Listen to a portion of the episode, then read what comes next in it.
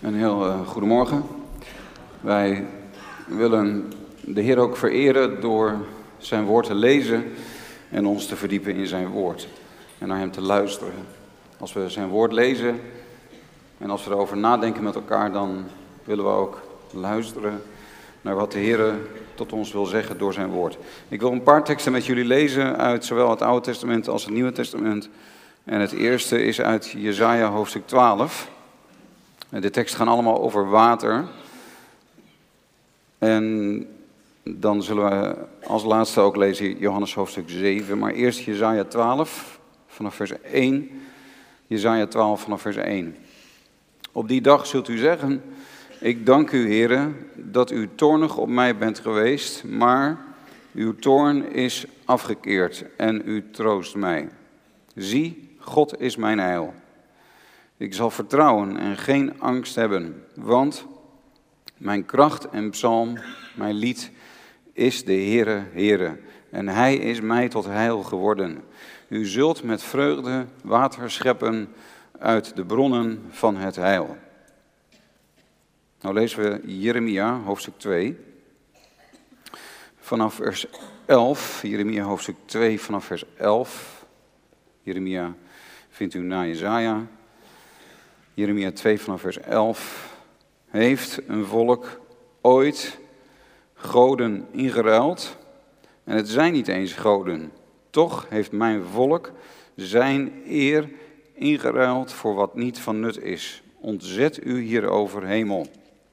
Huiver en wees zeer ontsteld, spreekt de Heer, want mijn volk heeft een dubbel kwaad gedaan. Mij, de bron van levend water, hebben zij verlaten om zich bakken uit te hakken, lekkende bakken die, die geen water houden. Lekkende bakken die geen water houden.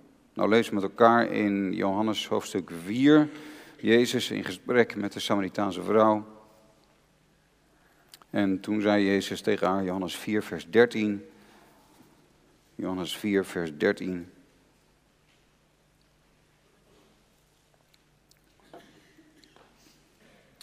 Jezus antwoordde en zei tegen haar: Ieder die van dit water drinkt, zal weer dorst krijgen. Maar wie drinkt van het water dat ik hem zal geven, zal in eeuwigheid geen dorst meer krijgen. Maar het water dat ik hem zal geven, zal in hem een bron worden van water dat opwelt tot in het eeuwige leven. En dan lezen we als laatste Johannes hoofdstuk 7 vanaf vers 37. Johannes 7 vanaf vers 37, een paar bladzijden verder. En op de laatste, de grote dag van het feest, stond Jezus daar en riep: Als iemand dorst heeft, laat hij tot mij komen en drinken. Wie in mij gelooft, zoals de schrift zegt, stromen van levend water zullen uit zijn binnenste vloeien. En dit zei hij over de geest, die zij die in hem geloven ontvangen zouden, want de Heilige Geest was er nog niet, omdat Jezus nog niet verheerlijkt was. Tot zover.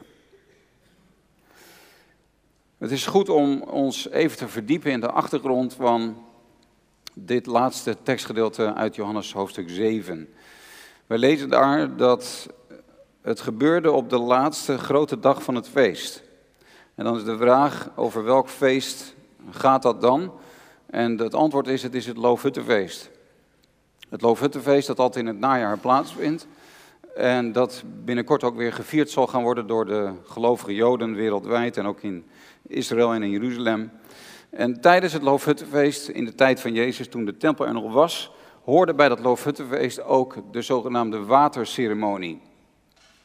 En wat gebeurde er in die waterceremonie? Nou, dan werd er zeven dagen lang werd er water geschept uit de Gigonbron. De Gigonbron, de waterbron van Jeruzalem, die uh, toen al stroomde en die vandaag de dag nog steeds stroomt.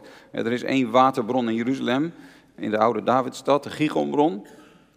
En uit die bron, uh, en ook uit de vijver van Siloam, waar dat water uit die bron naartoe stroomde, uh, haalde men water en dat bracht men omhoog naar het tempelplein. En dan liep men met dat water om de tempel heen. Dat deed men zeven dagen lang. En op de zevende dag liep men zelfs zeven keer om de tempel heen. En daarna werd dat water allemaal bij elkaar verzameld en dat werd uitgegoten over het altaar. En als de priesters dat deden, als dat water werd uitgegoten als een plengoffer op het altaar, dan werd geciteerd de tekst die wij zojuist gelezen hebben uit Jesaja hoofdstuk 12, namelijk, dan zult u met vreugde water scheppen uit de bronnen van het eil. En als dat gebeurde, dan ontstond er een uh, gejuich, dan juichten de mensen en dan sprongen ze op van blijdschap en dan zongen ze en dan dansten ze over dat heil, die verlossing, die genezing, waar Jezaja 12 over spreekt. Water, water als een beeld van genezing en van heil. En weet u nou, weet u wat het Hebreeuwse woord voor heil is? Het Hebreeuwse woord dat daar in Jezaja 12 ook voor heil wordt gebruikt, dat woord is Yeshua. Jezus. Jezus betekent heil. Jezus betekent de Heere red, de Heere geeft heil. Dus wat er gebeurt tijdens deze waterceremonie, in de, tijdens dat Loofhuttenfeest, juist op die laatste dag, toen dat allemaal zo gebeurde rondom dat altaar, is dat de Heer Jezus eigenlijk zegt, dat heil waar jullie nu zo blij over zijn, het heil waar nu over gezongen wordt en waarover gedanst wordt en waarom jullie juichen van blijdschap, dat heil, dat ben ik. Dat is wat de Heer Jezus hier zegt. En opnieuw Net als op zoveel andere plekken in de Bijbel, in het Nieuwe Testament, zien wij dat de Heer Jezus zichzelf gelijkstelt aan de Heer God. Want we hebben ook in Jeremia hoofdstuk 2 gelezen, mij, de bron van levend water, zegt de Heer, hebben zij verlaten. Dus God zelf, de Heere, Yahweh, Adonai, de God van Israël, God zelf, noemt zich de bron van levend water. En nu zegt de Heer Jezus, als je dorst hebt, kom tot mij en drink van het water dat ik je zal geven. Dus Jezus zegt eigenlijk dat Hij die bron van levend water is. Hij stelt zich opnieuw gelijk aan God. En hij zegt dat heil, dat kun je bij mij vinden. Bij mij. Kom tot mij. En daar willen we vanmorgen wat over nadenken met elkaar. Komen tot de Heer Jezus om bij Hem te drinken. Die stromen van levend water die uit je binnenste zullen vloeien.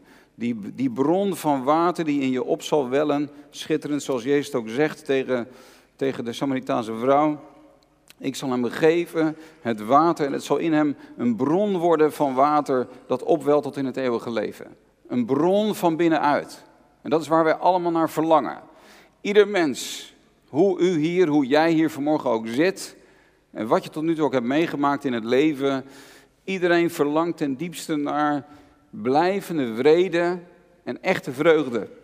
En liefde in het hart. Vrede, blijdschap en liefde. Daar verlangt ieder mens naar. En daar, daar dorst iedere ziel naar. En vanmorgen leren wij dat de Heer Jezus dat geeft. En dat is wat jullie als dopelingen ook beleiden vanmorgen. Dat jullie zeggen, Jezus is ook voor mij de bron van, van levend water geworden. Nou, er zijn een paar dingen die ik wil aantonen om te laten zien hoe wij vaak het ook ergens anders zoeken. In de tijd van Jeremia lezen wij dat. Um, er zijn drie dingen die ik wil aantonen waar we geneigd zijn het te vinden. Die blijvende vreugde en blijdschap en liefde. Maar waar we het niet kunnen vinden. En die ons dan ook aansporen om het bij de Heer zelf te gaan zoeken vanaf dit moment. In de eerste plaats, we kunnen het niet vinden in de godsdienst. Ten eerste, we kunnen dat levende water niet vinden in de godsdienst. In de tijd van Jeremia, daarom heb ik die tekst uit Jeremia ook gelezen, was het volk best wel godsdienstig. Jeremia profiteerde ook in de tijd van koning Josia. En koning Josia heeft verder aan de hervormingen doorgevoerd in het land. Hij wilde niet meer dat de Baal aanbeden werd. Hij wilde dat de tempels eh, sorry, dat de, de afgodsbeelden uit het land werden verwijderd, dat de altaren voor vreemde goden dat die werden vernietigd. Koning Josia heeft gezorgd voor een verregaande hervorming. En het was ook in die tijd dat de profeet Jeremia profeteerde. Het is opvallend dat Jeremia eigenlijk niet zo onder de indruk is van die hervorming die plaatsvond bij het volk. En zelfs in die tijd, en we zien trouwens ook dat hè, die, die, die hervorming was eigenlijk vooral een uiterlijke verandering die plaatsvond in Israël. Maar zodra de zoon van Josia, of Josia, koning werd, Joachim, dat was een van de meest goddeloze koningen die er waren. En toen kwam de afgoderij met grote vaart weer terug in het land. Dus uiterlijk waren er wel dingen veranderd. Uiterlijk waren de afgodsbeelden en de altaren voor de vreemde goden wel verwijderd. Maar het hart van het volk was niet veranderd. En zelfs in die tijd dat die hervorming plaatsvond, zei de Heer tegen het volk door Jeremia, heeft ooit een volk goden ingeruild. En het zijn niet eens goden, toch heeft mijn volk zijn eer, zijn eer met een hoofdletter ingeruild voor wat niet van nut is. Mij, de bron van levend water, hebben zij verlaten. En ze hebben zich bakken uitgehouden, bakken hebben ze gemaakt die geen water kunnen houden. Godsdienst alleen maar uiterlijke godsdienst is als een waterbak die geen water kan houden. En, en eh, wat er nodig was, is een, een hartelijke bekering tot de Heer. Een echte bekering tot de Heer. En we zien dat ook hetzelfde in de tijd van de Heer Jezus. Niet dat, niet dat er geen waarachtig vrome Joden waren. Er waren natuurlijk ook heel veel Joden die de Heer van harte lief hadden. Ik denk dat er ook in de tijd van Jezus echt wel Joden waren wiens hart ook besneden was. Maar toch zien we eigenlijk ook in dat hele gebeuren op dat Loofhuttenfeest... dat dat volk, dat was wel bezig met die, met die rituelen ze hadden wel de, de offers in de tempel en uh, de, weet je wel, de, de gezangen waren er in de tempel en de diensten vonden plaats en de priesters deden hun werk en die waterceremonie die kwam elk jaar weer terug en dat water werd elke keer weer naar boven gedragen, maar God had zich meer dan ooit geopenbaard aan Israël in zijn zoon. God was meer dan ooit aanwezig bij zijn volk in zijn vlees geworden zoon in het woord van God dat onder hen was komen wonen en ze gingen aan hemzelf voorbij. Het is dus mogelijk om religieus te zijn, om godsdienstig te zijn en toch niet echt bekeerd te zijn. En toch niet echt tot de Heer te zijn gekomen. En dat is voor ons vanmorgen ook goed om dat weer te realiseren. Het zit hem niet in je kerkverband. Je wordt niet gered omdat je baptist wordt of omdat je gereformeerd bent. Of omdat je bij de vergadering van gelovigen hoort. Je wordt niet behouden omdat jij vindt dat je bij de juiste kerk zit. En ook niet door je kerkgang. En zelfs niet door de doop. Nog door de kinderdoop, nog door de volwassen doop. Weet je, en het kan allemaal uiterlijk blijven. En godsdienst en alleen maar godsdienstigheid of een beetje christelijke cultuur en het vermijden van de ergste zonde, dat is uiteindelijk alleen maar een waterbak waar je eventjes wat water in hebt, maar het houdt geen water vast. Het is niet stromend levend water. Waar het om gaat in het christelijk geloof is de Heer Jezus. En dat je tot Hem gekomen bent. Dat er iets van Gods geest in je hart is gebeurd, waardoor Jezus Christus werkelijkheid voor je is geworden. Hij is een persoon. We hebben het niet over iets technisch, we hebben het niet over iets uiterlijks, we hebben het niet over vormendienst, we hebben het niet over wat wij moeten doen, wat, wat wij moeten genereren, wat wij voor elkaar moeten krijgen in ons leven. We hebben het niet over het oppoetsen van ons leven. We hebben het over Hem leren kennen.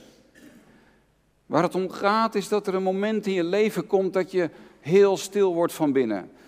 Dat je stil wordt gezet, dat je ogen open gaan, dat je de stem van de Heer hoort, dat je ontvankelijk wordt voor wat God je wil laten zien. En weet je wat Hij wil laten zien? Hij laat jou zichzelf zien. Hij openbaart zichzelf aan jou. Hij komt je leven binnen. En dan is Hij daar. En dan besef je dat je bij Hem moet zijn. Bij Hem alleen. En dat Hij jou stromen van levend water geeft. Dat je bij hem thuis komt. Ik had laatst een gesprek met een jonge man en hij vertelde dat hij een paar jaar lang zich had afgekeerd van de ere. En dat hij niet meer naar de kerk ging, maar hij liep vast en hij vroeg zich af wat de zin van zijn leven was. En hij wilde erover praten. En langzaamaan merkte ik dat hij terug aan het komen was bij zijn hemelse vader, bij zijn God, bij zijn schepper, bij zijn verlosser. En op een gegeven moment zeg ik tegen hem, ben je ook gewoon aan het thuiskomen bij de Heer? En toen kwamen er tranen die over zijn wangen rolden. En hij zegt, ja, dat is het. Ik ben aan het thuiskomen bij de Heer. Dat is het. Dat je tot Hem komt. Dat je Hem persoonlijk leert kennen. En dat je van Hem gaat houden, omdat Hij eerst van jou heeft gehouden. Het zit hem niet in de uiterlijke godsdienstige dingen. Het tweede waar we het niet uh, levend water in kunnen vinden is in genot. Als we even denken aan de Samaritaanse vrouw. Zij Um, natuurlijk een heel ontroerend verhaal. En ook met haar spreekt de Heer Jezus over water. Want het is daar bij die bron in Samaria. En, uh, en dan vraagt Jezus haar of, of zij hem wat water wil geven. En heel wonderlijk hoe hij dan met haar in gesprek komt.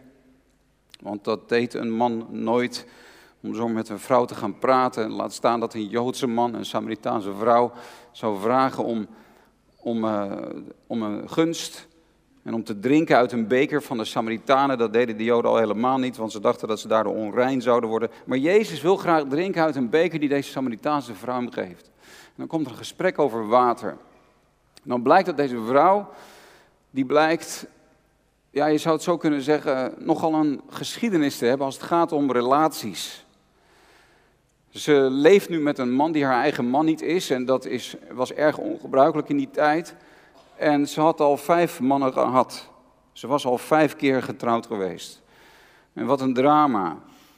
En ze was meerdere keren in de armen van een andere man gevallen. Maar Jezus zegt, het water dat, dat je hier kan drinken, daar zal je weer dorst van krijgen. En dat bedoelt hij ook een beetje figuurlijk, weet je. Van, het water dat je kan drinken in, in het vinden van een relatie. De, de vreugde, de blijdschap en de vrede en de liefde die je zou kunnen vinden in de relatie met een man.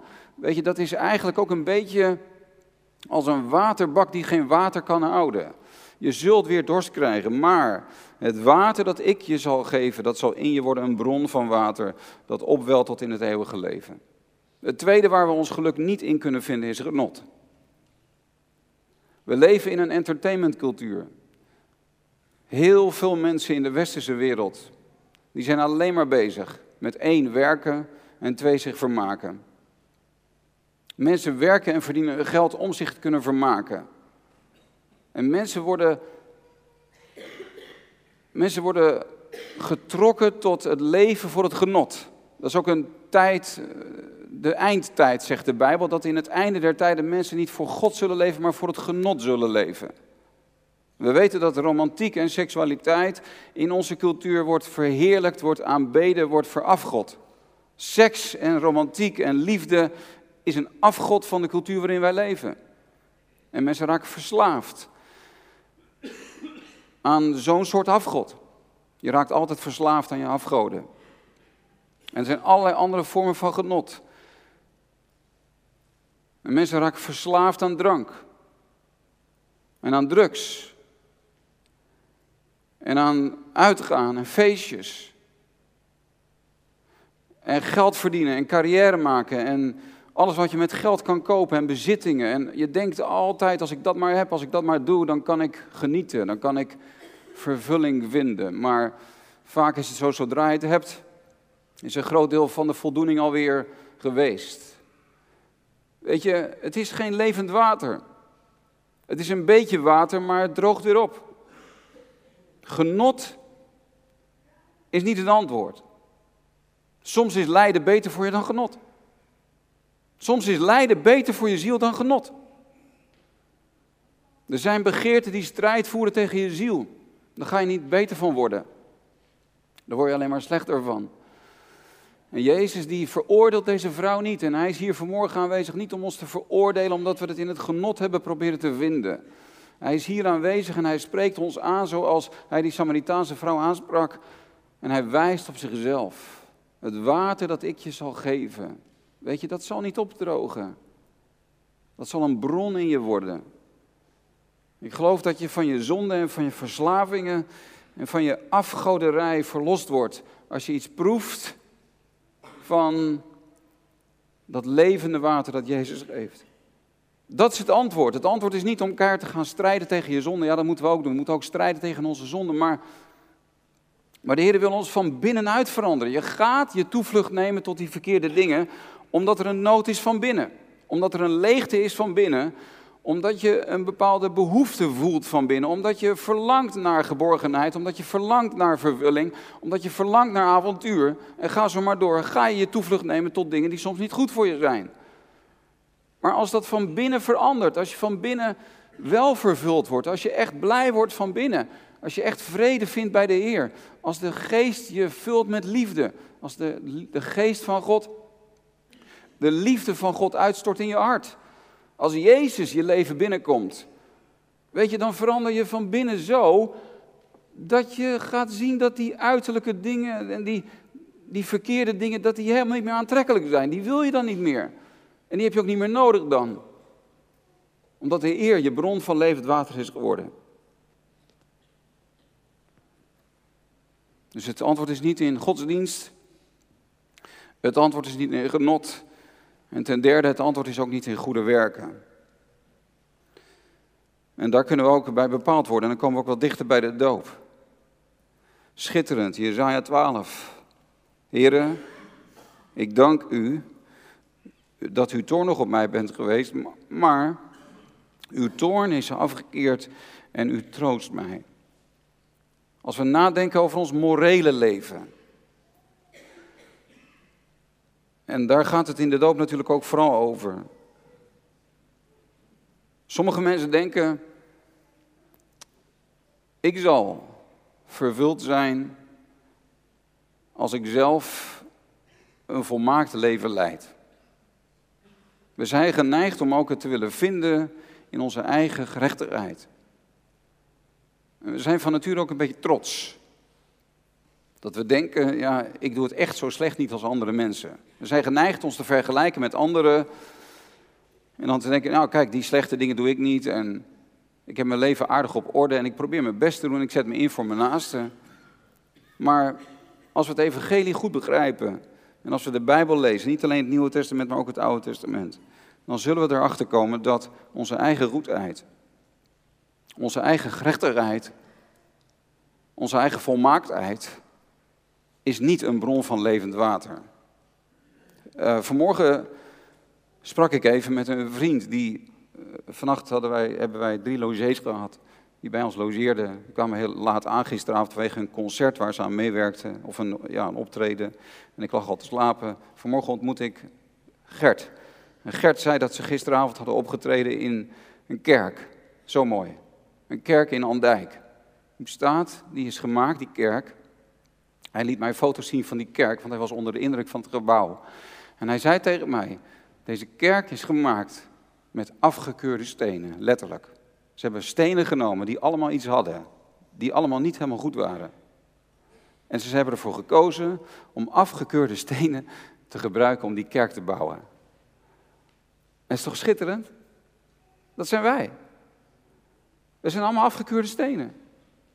Niemand heeft morele volmaaktheid. Niemand is zonder zonde.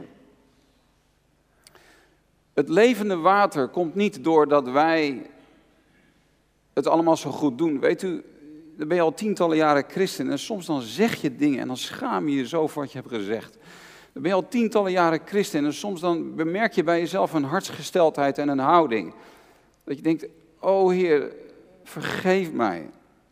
Dan schaam je je nog steeds voor jezelf. Weet u, wij kunnen onszelf niet op de borst slaan en zeggen: Ik heb het goed gedaan. Niemand van ons.